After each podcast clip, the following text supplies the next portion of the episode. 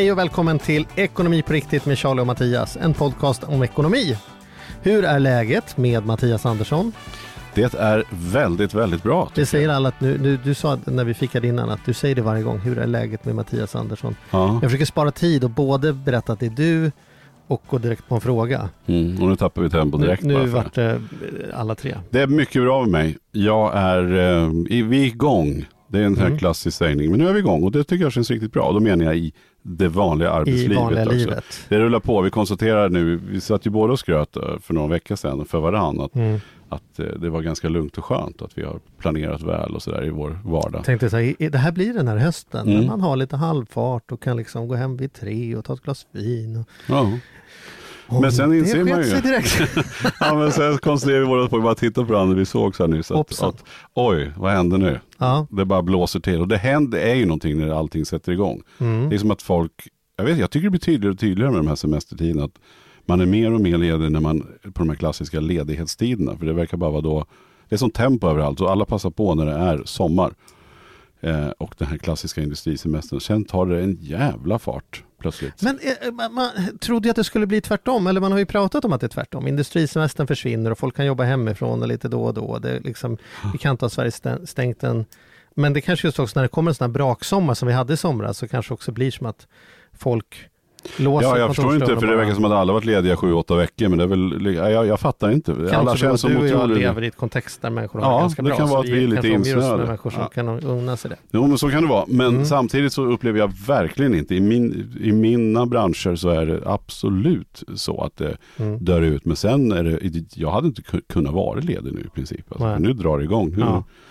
ja. så är det. Men det är häftigt. Charlie Söderberg, hur mår Mm. du då? Tack, det är bra med mig. Bra. Behöver du något mer? Nej. men det är bra. Jag är taggad på att köra igång det här. Det ska bli kul att göra en sån Q&As Ja, det ska vi idag. göra. Mm. Verkligen låta lyssnarna komma till tals. Det ska bli superkul. Och så Ja. vi har ju också en repris, nej, en repris ska jag säga. Vi har ju våran fantastiska gamla goda vän Magnus tillbaka. Ja, Ica-Magnus. Ja, Ica-Magnus. Det ska Ja. bli superkul att snacka med honom igen. Ska vi... Eh, Men innan det så ska jag också bara säga att eh, passa på och ni har väl inte missat eh, tidningen Tara. Där vi nu är experter och har en egen sida i tidningen Tara. Det är ju kul. Det är skitkul för på Mm. tal om läsarfrågor så är det precis det man kan göra både hos oss. Skicka gärna in era frågor till oss men skicka även gärna in till Tara. Mm. För vi sitter även på Tara och svarar på frågor. Kommer, magasinet kommer ut en gång i månaden. Så eh, tack för ett bra samarbete med Tara ska jag säga. Mm. Men nu kör vi. Nu ska vi presentera. Nu blir det en sån liten jingel.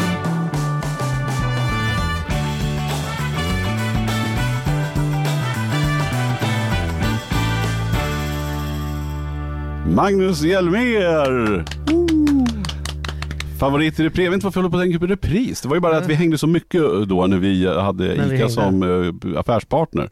Men sen vart ju vi så bundis med dig och tycker det är så kul så vi försöker ju tvinga hit dig fast vi inte har ett samarbete med Ja. ICA längre. Och jag kommer gärna. Ja, det är Ja. så jädra kul. Ja, det är, Ja, det är kul att se er. Ni ser så sjukt taggade ut efter sommaren. nice. Tack detsamma. Ja, det är vi. Skägget är på plats. Ja, Ja. Magarna Du, är lite håller, för håller du på att jobba på ett skägg, Magnus? Är det det som vi ser spåret av här i studion? Nej, när jag träffade, jag- kommer tillbaka till min fru varenda program. När jag Ja. träffade henne för tio år sedan, då sa hon så här, Magnus, du får, inte, du får aldrig mer slätraka dig för du ser ut som 12. sa hon. Mm. Ja. Sen dess så, så jag, jag kör på, vad kan det vara, en millimeter Ja. Mm. eh, varannan, var tredje dag. Så Men, men det det, som slog är mig... konstant i tio år har det sett ut så här. Bra Charlie, bra att du har sett det. Vad har du tänkt på att han har skäggstubb till? Ah, jag har inte tänkt att det ser, att det ser annorlunda ut nu. Förutom en grej. Därför att när vi eh, normalt sett poddar med dig, eller gjorde under, framförallt var ju det. Jag vet inte, men då har ju du alltid kommit i fin skjorta. Mm. Och, och långärmad. Men det som slog mig idag är att du har ju grymt schyssta gaddar på armarna.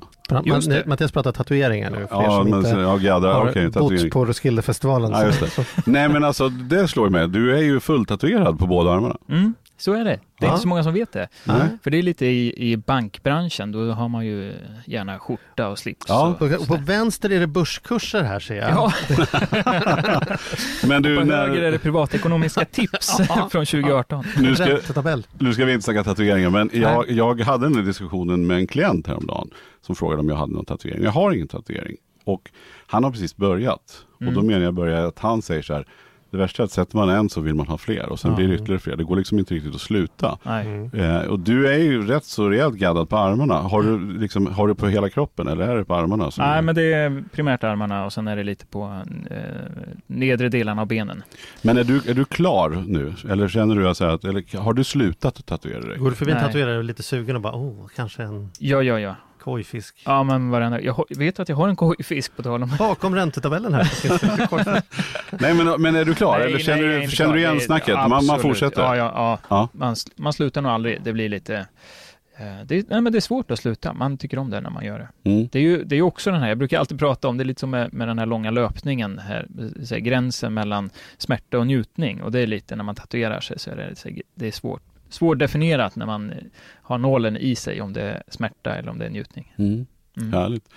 Bra. Då går vi vidare. Nu vet jag vad Charlie tänkte på. Varför vi har Jag ska kallat inte säga Ja, vän med ska, nålen. Du ska inte säga vän, för nu är det nålen gånger två här. Först var det synålen och nu är det Ja. tatueringsnålen. Ja. Fan, du blir ju Magnus med nålen. Nej, vi Ja. släpper det. Ja, vi släpper det, verkligen. Hörru, ska vi skratta för dagens uppgift då? Ja. Vi har alltså samlat ihop eh, lite olika lyssnarfrågor som vi har Mm. Eh, och sen tänkte vi att då bjuder vi in dig Magnus så ska vi bolla med dem med dig. Mm. Den första jag har här det är eh, en fråga ifrån eh, Lukas och Lukas undrar hur är det att podda med Charlie och Mattias? Därför att de, eh, spaningen här är att vi har en ganska rå ton. Mm. Känner du dig älskad eller mobbad? Var frågan rakt ut. Ja, verkligen älskad, annars skulle jag inte komma tillbaka. Det är väl det, är väl det bästa kvitto kanske. Nej men så här, alla som lyssnar ska veta att det, det är få gånger jag har så roligt som i studion med, med Charlie och Mattias. Det är skratt och skoj och högt och lågt och framförallt så lär man sig alltid någonting när jag går därifrån. Ja, kul att höra och det är ömsesidigt verkligen. Det är ju det, är det som är lite häftigt med ett samtal, att man bollar fram grejer. Mm. Vi blir ju klokare oftast, eh, vi också, för varje Ja. podd vi gör. Ja. Ja, det är Det får, kul. det får, Roligt. man får inte säga det för då kanske till slut får man inte betalt när folk inser att man själv får ut lika mycket av att prata som andra får ut av att lyssna. Precis. Man gör det inte för pengarna. Nej, utan- nej, Nej. Nej, verkligen. Ja, okej, då fick vi svar på den direkt. Mm. Mm. Sen hade vi en här, ska vi rulla upp och då har vi en, ska jag titta nu, då ska man göra så här proffsigt så säger man ju vad personen heter va? Karina Andersson. Karina Andersson har skickat så här. Vill tacka för ett fantastiskt program. Gud vad mysigt, känns som ring så spelar vi här. Eh, och jag eh, har funderat på eh, det här med eh, livförsäkringar. Har vi något klokt att säga om livförsäkringar? Ska man ha det? Hur mycket ska man ha och hur ska man tänka? Typ lite förkortat så. så. Sen finns det en specifik livförsäkring. Men om vi börjar med livförsäkringar allmänt här då. Mm. Är du en fan av livförsäkringar? Ja, vilken Magnus. fråga. Jo, men så här, livförsäkring är, är såklart en viktig del och framförallt kanske om man har en, eh, liksom en pressad ekonomisk situation också, så kan det ju vara värt, jag tänker om man, om man eh, det kan ju vara så att en, ens partner eller så är beroende av, av pengar som, som skulle falla ut om ett dödsfall sker, såklart. Eh, Så överlag så absolut, det, det är helt klart en bra försäkring. Det Och om man nu är en person som tänker så här, ja men så är det för mig. Hade min mans eller min frus lön inte funnits i mitt liv eh, så- och, jag hade, då hade då brakat rejält åt skogen. mm. Då, då kan man räkna med att man redan har någon för att man är fackansluten eller borde man ringa försäkringsbolaget när vi är färdiga här? Eller liksom, Nej, men jag tror, jag tror man ska ringa sitt försäkringsbolag och titta, för det är ju, dels så, så gäller ju det här med när det kommer till livförsäkringar, att du kan ha fler livförsäkringar och det faller ut eh, ersättning då från, från flera, så det skadar inte om man skulle ha flera. Eh, sen finns det ju varianter som är eh, kollektivade som du kan då teckna, eh, ofta via fackförbund då, eller liknande på jobbet kan också erbjuda den här typen. Där, där kanske ersättningen är lite mindre, men däremot så är premien då som man betalar för försäkringen betydligt billigare när det är så här grupplivförsäkringar.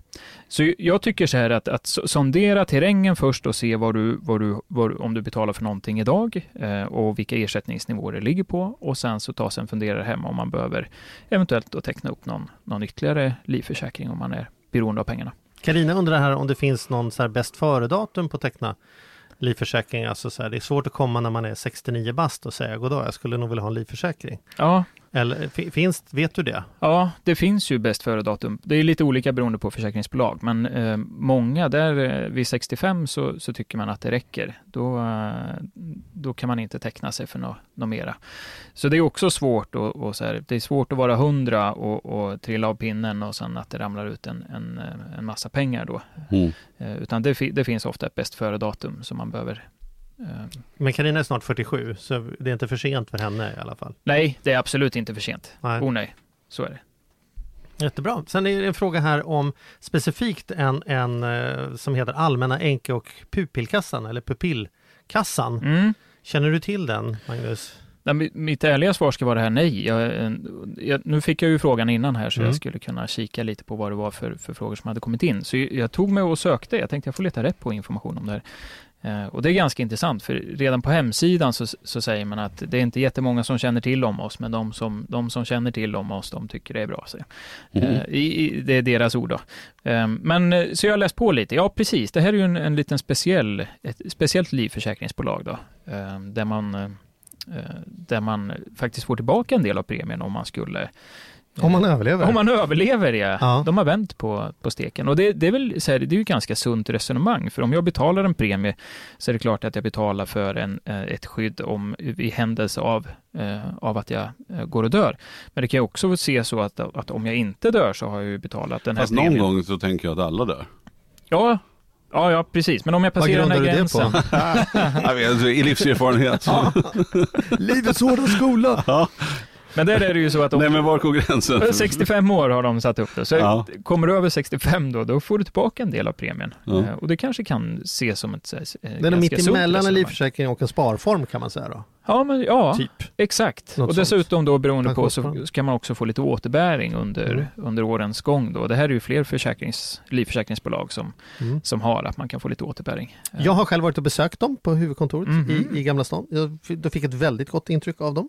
Högst personligen kan jag säga det. Mm. För jag har inte gjort några, några affärer med dem. Eh, och jag vet att Jan som vi har haft som, eh, med oss som expert ett par gånger här i podden har skrivit en hel del på sin hemsida om eh, NK Pupillkassan. Så det kan man ju smyga in om man vill. Men du säger pupil. Eller är det pupill? Jag vet, Är jag det vet, inte- Ja, jag vet inte om Vad är- det är vad är- eller om det är pupil.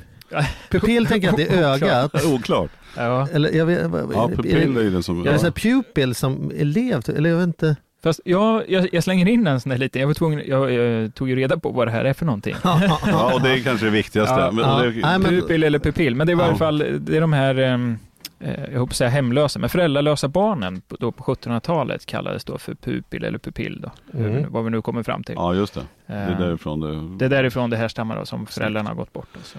Fan, Mm. vilken koll du har Magnus. Du är den sanna experten. Fantastiskt. Ja, jättebra. Och, Snyggt. sit, och sitter du nu hemma och vet om det ska uttalas pupil eller pupill, då kan du lägga in det på vår Facebookgrupp, en liten inspelning när du själv uttalar ordet. Det räcker inte att du skriver det. Ja, så, vi, så vi sitter, sitter, slipper här som idioter. Ja men bra, Ja. tack för det. Snyggt. Tack Carina. Sen är det frågan också om hur mycket man ska ha. Har vi, kan vi säga någonting om det eller får det bli så här politikersvar på det? Nej, men jag, jag tycker det är svårt att, att säga några generella riktlinjer så. Ehm, dels så tycker jag det är beroende på vad ens ekonomi tål, givetvis. Och, ehm, är det så att man inte har så mycket pengar över, ja, men då kanske man inte ska heller eh, avsätta så himla mycket. Men det är också beroende på hur, hur ekonomin, alltså som vi var inne på, hur beroende är mina... För det är klart att vill jag ha högre ersättningsbelopp om, om jag går och dör så kostar ju också försäkringen mera. Ja, precis. Det är ju egentligen en ganska enkel ekvation. Ju mer du vill ha ut, ju mer får du betala. Ja. Så, så är det. Precis, jag skulle vilja säga utifrån de kanske rådande ekonomiska, den rådande ekonomiska situation man har hemma och förutsättningar. Det är svårt att säga att en, en, en, en som är 50 år ska ha det här, en som är 30 ska ha det här. Mm. Men sitter man tajt till så är det väl bra att starta den så tidigt som möjligt. Alltså för att det ska hinna generera någonting. Och det är kanske när man är yngre som man skulle ha det här. Om man nu sitter trångt med sin sambo och inser att skulle det hända någonting med motparten så kanske man inte har råd att bo kvar eller så. Mm. Så då är det väl läge att göra det ju tidigare. Då känns man eh, det verkar logiskt. Ja. Och jag vet också eh, det här med sjukförsäkringar, nu ska vi inte gå in på dem också, men där finns det ju också, vi pratar om bäst före-gräns, men där är ju hälsodeklarationen som avgör om du ens kan teckna en Mm. sjukförsäkring. mm. Är du liksom rökare med högt blodtryck och för tjock och lite annat så är det inte ens säkert och 50 plus så får du nog inte ens teckna en sjukförsäkring. Nej. Så att den ska man nog teckna i tid också. Men det är, en, annan- det är ett annat program. Som, som vanligt är det ju så då, då att de som lever på marginalen och verkligen behöver ha de här försäkringsskydden om någonting händer. Det är de som åker på och måste ta det och då lever de ännu mer på mar- marginalen för då får de ha detta som fast kostnad varje månad. Det är, fan, det är dyrt att inte ha pengar alltså. Mm. Det kan man tycka är orättvist. Ja, jag, jag håller med dig Charlie. Jag har också tänkt på den, eh, ska vi kalla det ekvationen, men det är ju, det är ju, ett, det är ju ett dilemma. Det är ju Mm. lite moment 22 Mm. faktiskt, som är Mm. Ja, det är det. stökigt är komma runt. Ja. Mm. Klarar en till Magnus? Jajamensan. Mia frågar, hur gör jag för att få min make mer engagerad i ekonomin? Han somnar så fort jag vill ta fram budgeten. Känner du igen problemet? Ja, Är det så hemma hos dig att det är som att du är ekonomikungen och sen så blir det som, ja ja, du får ta det så tar jag hand om nej. bara trädgården? Nej? Nej, jag har ju sån tur ska vi säga. Malin är ju då inom eh, redovisning och revision, så hon tycker att det här med siffror är otroligt roligt. Fan vilken koll ni måste ha på ekonomin där hemma. Ja, men hyggligt törs jag nog påstå. Mm. Jaha. Mm. Jag säga att sitter faktiskt i samma båt så jag kanske inte ska Ja, inom redovisning, ekonomi och Ja. syssla med ekonomi. Så, Jag ja, är, ja, jag är den enda som är gift med levande människa kan jag säga, som inte... Ja. Ja. ja. Nej men det, det här är väl ett problem att inte någon, hon, det, det hon eftersa, eller det hon Nej, vi ska inte efter- skämta bort det, detta är Nej, ett stort problem. Det, det, för det hon vill är ju att få en make som är intresserad och som ska bry sig om ekonomin. Hur gör man för att få, hur gör man för att få igång någon? Det är ju svårt att bara säga, nu får du bli intresserad, gubbe. Ja. Eller? Ja, men visst är det så. Men jag tror så här, det, det är nog lite som med många saker, att det man inte vet om, det, det eh, vet man inte heller existerar. Liksom. Utan man behöver nog smyga in det här liksom, bitvis. För någonstans så är det ju så att eh, hur man än vrider och vänder på det så, så konsumerar man ju båda. Alltså det påverkar ju båda i familjen, även fast det bara är en som kanske tar hand om, om räkningarna och ser de, de, facto effekten av det här.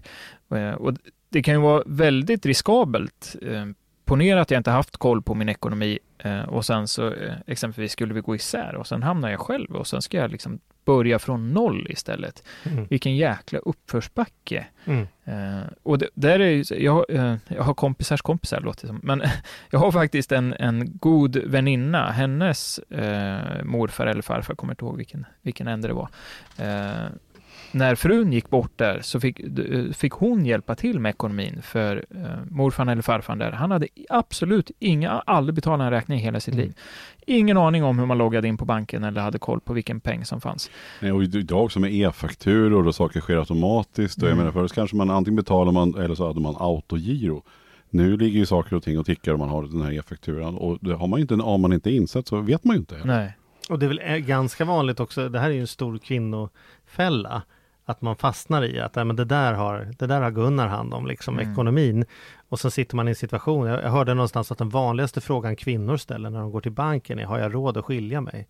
Och det är ganska obehagligt att, att dels att vi lever i det samhället att vi faktiskt måste ställa oss den frågan, men dels att kunskapsnivån är så låg så jag vågar inte ens jag vågar inte ens bestämma om jag vill leva med den här personen eller inte, för jag är för dåligt insatt i Ja. vad det får för ekonomiska konsekvenser. Så den som är, är ju verkligen i ett underläge och eh, förr eller senare kommer ju någon bli ensam. Det, det är ju så. De flesta äktenskap slutar med skilsmässa. Mm. Det är ju det är inte pessimism, det är statistik. Så man har ju liksom någon skyldighet både för sig själv och för sin partner att skapa något så gemensamt engagemang. Just det. Ja, och någonstans det kanske jobbiga svaret är väl att man måste sätta ner foten i det här fallet. Så måste Ja. då Mia säga så här, nej nu, nu räcker det. Vi, Ja. När det ska köpas något, säga, du, vi har inte råd med det här. Alltså vi kommer inte fixa det. Mm. Varför då? Eller det är klart vi har. Nej, men då får vi sätta oss ner och göra en budget eller titta igenom ekonomin. Vad har Mm. vi för intäkter, vad har vi för utgifter? Mm. För det, kommer ju, det där rullar ju på. Det är jävligt bekvämt att vara den som inte tar hand om det. Eh, och bara åka med och tycka att det är skönt att ha lite åsikter och tycker att det är jobbigt och allt vad det är för någonting. Mm. Och jag är dålig på matte eller vad det kan vara för förklaringar. Men det håller ju inte. Man måste ju som partner sätta ner foten oavsett, tycker jag. Båda måste veta vad man har för intäkter och utgifter. Det är ju inte svårare än så. Nej, men det är, det är, jag törs nog säga livsviktigt. Det, Ja. det går inte att leva och inte ha koll på, på min, min egna liksom balansräkning. ja, för det Jag skapar ju ett bråk och för- annat också, alltså hemma. Ja, med det blir ju det. Ja. Det blir ju det, därför att man pratar inte om det förrän det är dags för bråk. Liksom. Nej. Men jag ska slå ett slag för ett verktyg som vi använder som är månadsmöte. Som min mattelärare sa, ni kan räkna med bråk. Ni kan räkna med bråk. Probom. Yeah. Shoutout Göteborg. Men, men, eh, nej men månadsmöte är mitt Mm. tips. Att ha ett möte varje månad när man sätter sig ner och går igenom och då kan man passa på att gå igenom allt. Över en kanelbulle och en kopp kaffe och säga så här, vad händer den kommande månaden? Mm. Hur mår vi tillsammans, du och jag? Eh, behöver bilen fixas? Hur, alltså, och, och hur ser det ut på kontona? Alltså så man, man liksom stämmer av den här familjeföretaget. Och, och då blir ju ekonomin en, förhoppningsvis en naturlig del i det. Men då behöver inte den här andra parten känna att han kommer till ett ekonomimöte utan han kommer till någon typ av familjemöte där Just ekonomin det. blir en naturlig del och förhoppningsvis blir det som en väg in till att liksom vara mer engagerad och ställa följdfrågor. Och säga, Jaha, är det mer eller mindre än förra månaden? Ja, vi kan gå in och kolla. Superbra. Och så är man kanske där på något sätt. Och får, får, man bygga på den lite, när man väl har kommit igång sen och har de här mötena så kan jag tycka att, att man kan faktiskt dela upp varannan månad. Mm. Att ena månaden så betalar jag räkningar, alltså gör de här fysiska och, och, och det behövs ju fysisk handpåläggning fortfarande, liksom att Mm. betala räkningar och se att allt adderar ihop och att man liksom får plus i slutändan på kontot. Nästa månad, ja men då gör min partner det. Och så kan vi liksom växeldra det här utöver givetvis att ha kvar mötena, men att de facto att jag får logga in också och se, inte bara prata om det, utan jag måste in på banken och se de här när det dras och knappar in och förstår liksom flödena in och ut. Jätteviktigt. Ja, men också att man faktiskt kan, i det bästa världar också, så ser man att man har en ekonomi som går ihop och går runt. Man också kan sätta upp gemensamma mål. Då. Vad är det vi ska göra med de här pengarna? Mm. Vi har faktiskt ett överskott. Mm. Om vi håller oss till den här budgeten, om vi inte handlar för mer än så här mycket, om vi inte eh, ja, konsumerar mer än de här, de här pengarna, så har vi så här mycket kvar. Vad gör vi av dem? Och det där har jag hört väldigt ofta med mina klienter när man väl har tagit tag i det och satt sig ner, gör en budget och plötsligt så blir det ju rena lyckomötena det här. Att man, man bara Mm. konstaterar, men shit, vi har ju faktiskt råd att åka till Mm. Mallis nästa år eller till Mm. höstlovet eller ta med Mm. barn eller vad det nu handlar om. Mm. Det är för att man går ofta också med en, med en, en likväl som många har en, en, en alltför stor tro på sin ekonomi och bränner och kör på så är det många också som går lite ned ihop, ihop vad heter det? Ja, man, man, man rätar inte på ryggen och tror inte att man har råd och säger att Nej. det där kommer aldrig gå och vi har inte råd och det där Mm. funkar inte för oss. Och Nej. Tänk om vi hade kunnat gjort det här och det här. Det kanske man kan om man bara sätter sig och räknar. Jo, så tänker jag så här, om, om, om man har en ekonomi och sen är det en, en av parterna som är, är den mest involverade och kan de här sakerna, då är det ju lite så här, om vi gör det vi alltid har gjort kommer vi få det vi alltid har fått. Exakt. Det vill säga att ska vi sätta upp nya sparmål eller ska vi åka till, på den här resan och ska spara till den, ja men då kanske båda behöver förändra sina beteenden, inte bara den som har koll på ekonomin som liksom får vara med och stuva om, utan det kan ju handla om lika väl att min partner måste liksom hjälpa till och göra, förändra sina beteenden så vi faktiskt får pengar över. Och då behöver man förstå det här, Mm. Flödena. Skitbra Ja, bra. Magnus. Mm. Bra, bra, bra. Jättebra. Har vi Ja. någon mer fråga Jag har Charlie? en relaterad fråga apropå resor. Så en fråga här. Min sambo vill att vi ska åka till Nya Zeeland när hon fyller 40 nästa år. Hur mycket är det okej att vi lånar och hur mycket måste spara ihop? Det här är ju en ständig fråga tycker jag som är väldigt intressant. Vad får man låna till?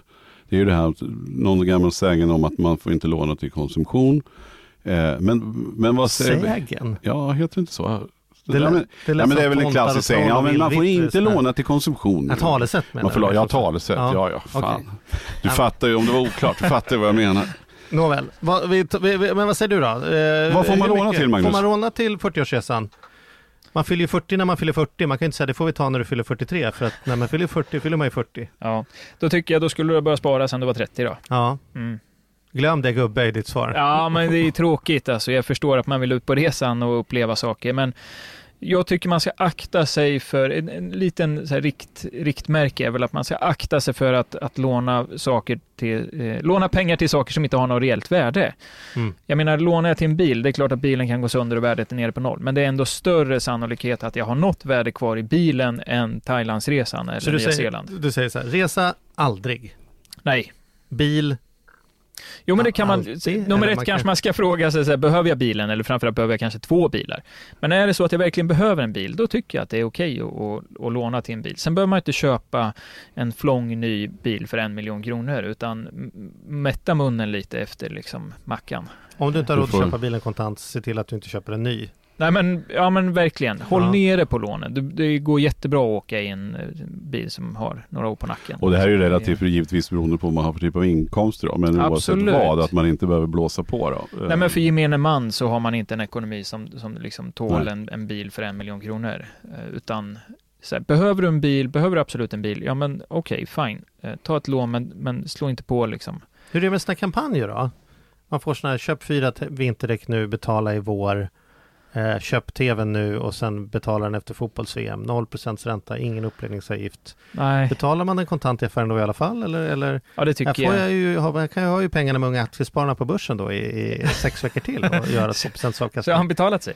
Ja. Nej, men, nej men spara, spara till saker. Jag fattar inte. Det, det finns ju en anledning till att man går ut och säger. Vi, vi hade ju upp, uppe det tidigare det här med, med, med loss, eh, hjälp mig, loss, eh, eh, förlustaversion. Ja. Eh, det är klart att de vill att du ska köpa tvn och så fort du har ställt den där på bänken hemma, ja men det är klart att du inte vill lämna tillbaka den där eller göra någon förändring i, i liksom upplägget. Och sen kanske du inte har pengar att betala den där på en månad som du fick den räntefritt och helt Mm. plötsligt så är räntan 8% liksom. Och det blir en sjukt dyr tv när du väl har betalt av den där. Jag träffade faktiskt någon som jobbade med detta som, som jag frågade så här, hur kan ni ge sex månader eh, utan räntekostnad, utan uppläggningskostnad, så det måste vara Mm. någon dold avgift. Vad tjänar ni pengarna på? Och då tittade han trött på mig och sa, det är väldigt enkelt Charlie. De som inte har råd nu, de har inte råd om sex månader heller. Och Nej. då kostar det 28 procent i ränta. Ja, Så ja men äckligt är det. precis. Jättebra. Det där, för det, där, det, det är klart att det lockas. Mm. Om man kan lockas till konsumtion. Ja men det är finns ju- väldigt, tvn är väldigt billig nu, det kommer aldrig få en platt-tv så här billigt, det måste vara värt att låna för nu är det så billigt. Det är klart att det Ja, kan rycka i, låta till och med ekonomiskt va? eller Vi hur? bakar ihop lånen, får vi ner räntan här och så kan vi åka på semester Ja, ja. och lägga om taket. Och... Och då, och då kan, man ju, kan man ju fråga sig det jag sa tidigare, så här, men det finns ju ett reellt värde i tvn, jag kan väl sälja den liksom. Mm. Eh, ja, om du sitter fortfarande med ett lån du ska betala av. Mm. Alltså det, det försvann ju inte. Bara för Nej. att du säljer tvn. Det är klart att du kan sälja tvn och så betala av på lånet då, men det är ju inte stor sannolikhet att du får tillbaka de pengarna så att lånet är avbetalt liksom. Om du ska sälja. Och apropå billån så är det väl också så att det gäller att lägga in och verkligen amortera för man ska vara medveten om den enorma eh, värdeminskningen Värdeminskningen. som är på en bil. För det upplever jag också att många köper en bil, lånar så mycket de får men sen så behöver man ju inte betala. Man kan ju lägga in då så att restvärdet eh, ska vara högre än vad det faktiskt är. Och då är det ofta så att man betalar lika mycket hela tiden. Så, så, att, det se, så att trots att värdeminskningen är mer i början så betalar man ändå lika mycket första året som man gör fjärde året. Bara för att folk ska tacka ja och tycka att det är värt det. Mm. I själva verket kanske man ska betala fem gånger så mycket första året än vad man gör tredje året. Mm. Men då skulle man inte sälja många pilar på avbetalning om man gjorde planerna som de ser ut. Nej. Nej, men Nej, det där måste man läsa på, så man Ja. inte står där med mer lån än vad man Så det blir ingen Nya Zeeland-resa då? Nej, men det tycker jag inte. Säffle är också fint så här års. Nej, men ja, jag, jag får vara den tråkiga då. Mm. Jag, jag skulle Nej, för skämt, skämt åsido så är det uppenbarligen så att man, då får man ladda för nästa 45 eller 50 eller vad det nu kan Ja. vara. Ja, Ja. Man kommer ju bara att måla in sig. Det, det håller ju aldrig över tid att börja låna till sådana saker. nej. Nej, så är det. Nej, Så bra. min sägen, eller min ja, talesätt, Ja. mitt säg, kalla det vad du vill, det Ja. höll ända in i mål.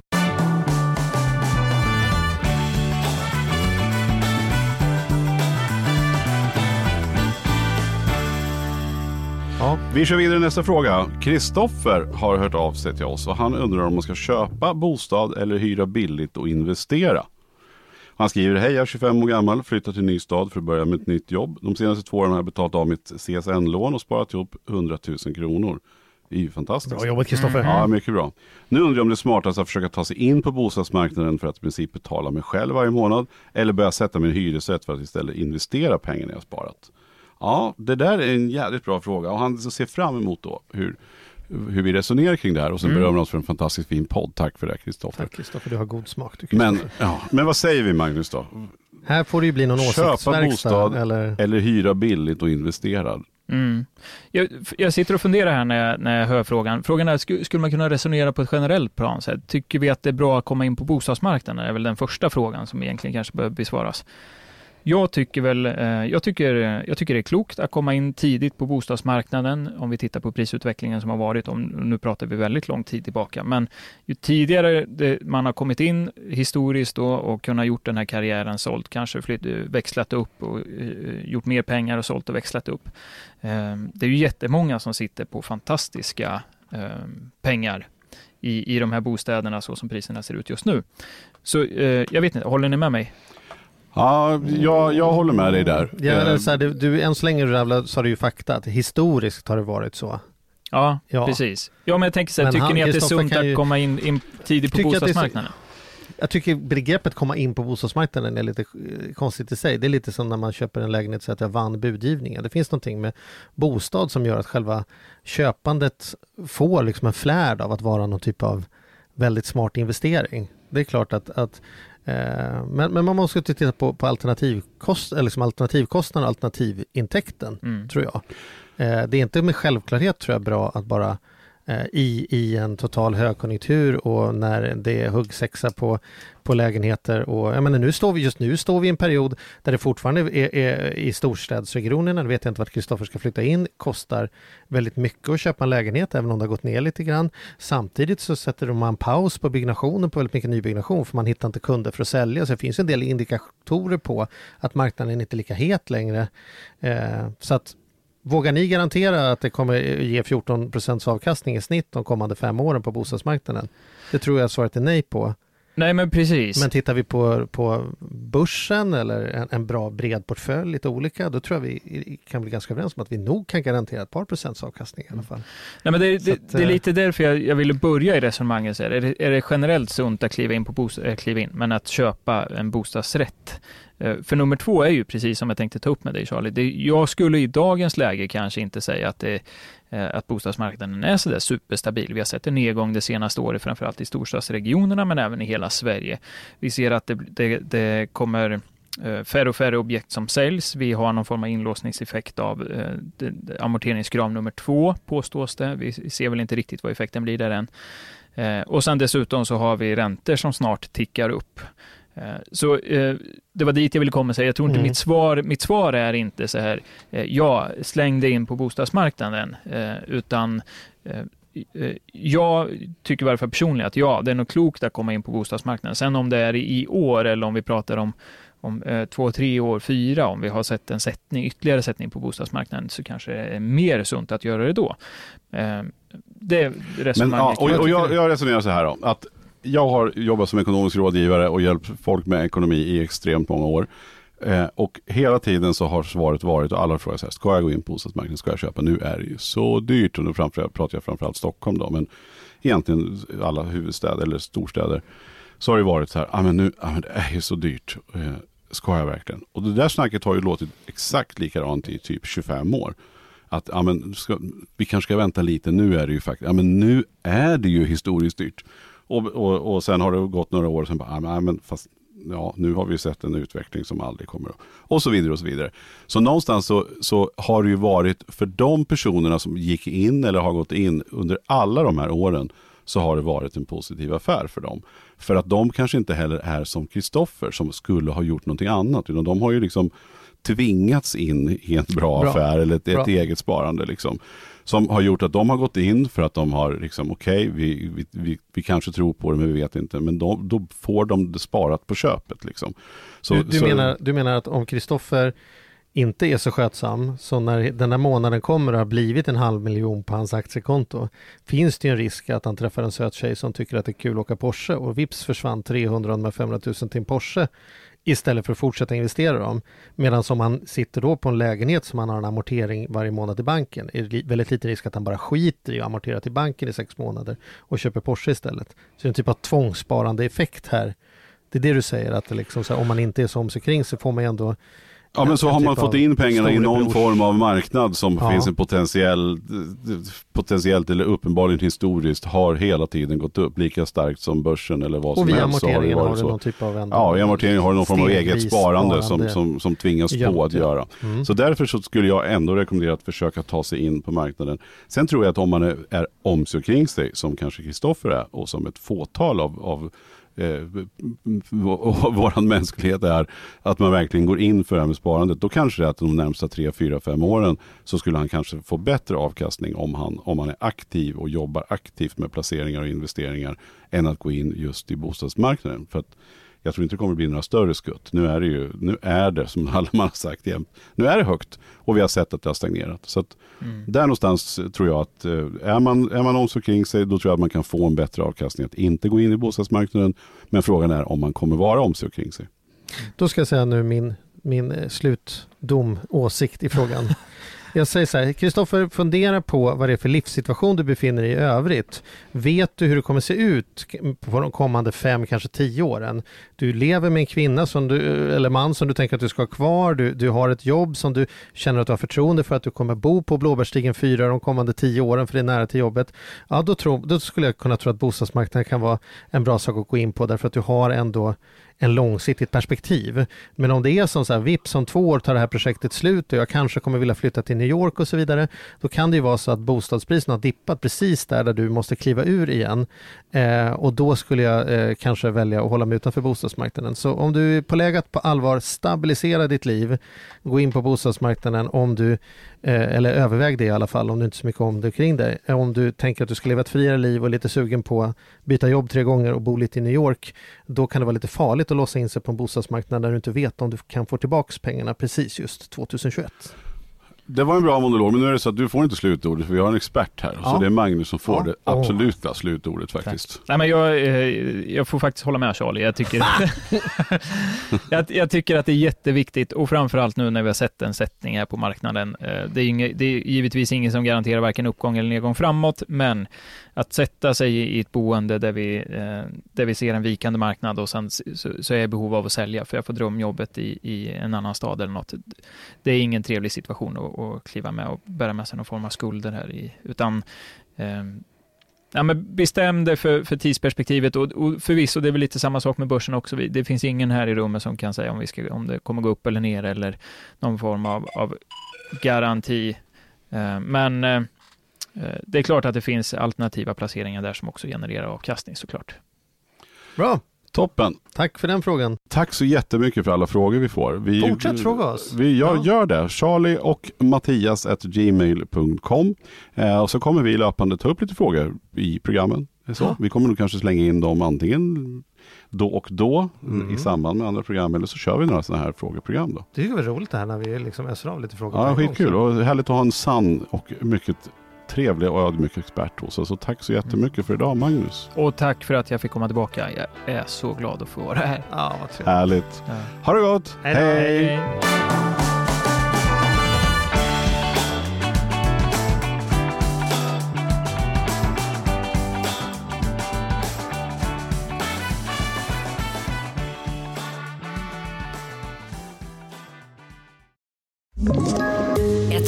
Poddtips från Podplay. I fallen jag aldrig glömmer djupdyker Hasse Aro i arbetet bakom några av Sveriges mest uppseendeväckande brottsutredningar. Går vi in med hemlig telefonavlyssning och, och då upplever vi att vi får en total förändring av hans beteende. Vad är det som händer nu? Vem är det som läcker? Och så säger han att jag är kriminell, jag har varit kriminell i hela mitt liv men att mörda ett barn, där går min gräns. Nya säsongen av Fallen jag aldrig glömmer på Podplay.